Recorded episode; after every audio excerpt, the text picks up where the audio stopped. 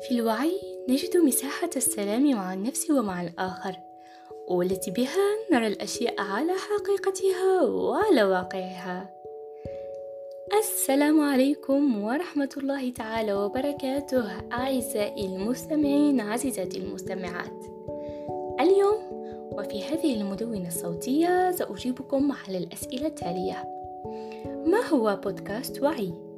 من أين جاءتك الفكرة؟ أي المواضيع ستتطرقين إليها؟ أين يمكننا الاستماع إلى بودكاست وعي؟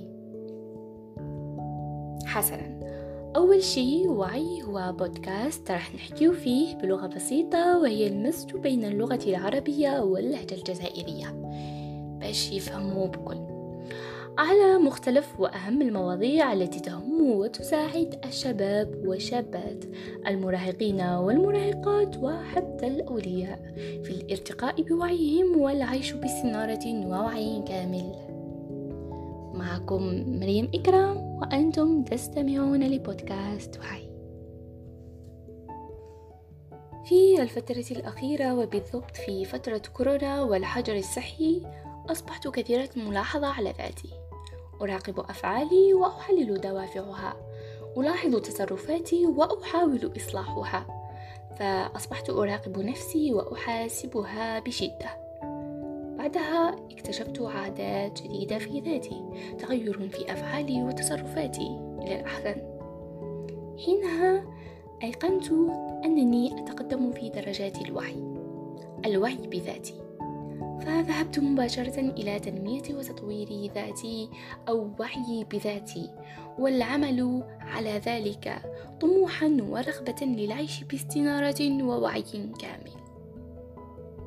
وبعدها قررت أن أبدأ صفحة جديدة وأكون إنسانا جديدا بعادات جديدة إيجابية تفكير واقعي إيجابي والمضي قدما نحو الشغف.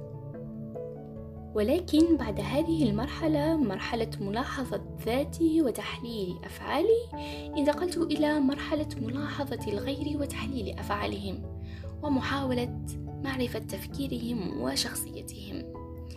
مما دفعني للبدء وبدون تخطيط لذلك التحدث مع أشخاص من بينهم أصدقاء زملاء وحتى بعض من أفراد عائلتي حول مختلف المواضيع. دينية اجتماعية علمية وحتى شخصية. حيث كنت دائما أريد الوصول إلى معرفة إن كان هذا الشخص شخصا واع بذاته أم لا. أي درجة وعي هو فيها؟ فلاحظت آه، أن معظم معظم هذو الناس مازالوا ما اكتشفوش ذاتهم واللي هي يعني أسهل حاجة يقدر يديرها الإنسان. هناك نسبة قليلة بزاف اللي اكتشفوا ذاتهم أو أو بالأحرى اللي راهم يعملوا على هذا الشيء اللي راهم يعملوا على اكتشاف ذاتهم. فقلت بما أنني مررت بهذه التجربة من قبل وبما أنني مهتمة بنشر الوعي والإيجابية في مجتمعي لما لا أنظم تلك الخطوات التي مررت بها؟ وأحدد المواضيع التي أريد التطرق إليها وأدرسها جيدا وأفيد بها الغير لأنني حقيقة أريد ترك أثر إيجابي أو تغيير إيجابي في في مجتمعي في بلدي أو بالأحرى في حياتي. وها أنا هنا أملي عليكم أعزائي المستمعين والمستمعات أهم ثلاث خطوات مررت بها والتي ستكون أول ثلاث حلقات في بودكاست وعي ثم تليها مواضيع أخرى شيقة تصب في نفس المحتوى. تلك الثلاث خطوات أطلقت على كل واحدة منها اسم يصفها ويخصها ويلخصها. الخطوة الأولى أسميتها البداية والتي ستكون أولى الحلقات. لن أخبركم على عنوانها وذلك للتشويق طبعا. أما الخطوة الثانية وهي الركزة. أو توثيق البداية. ثم تليها الخطوة الثالثة وهي الانطلاق.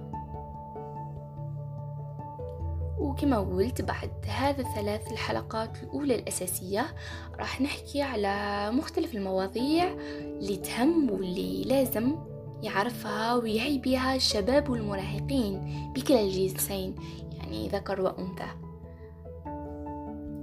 راح تساهم هذه المواضيع في رفع درجة وعيهم وراح تساعدهم في المشي على منهج عقلاني واعي وسليم.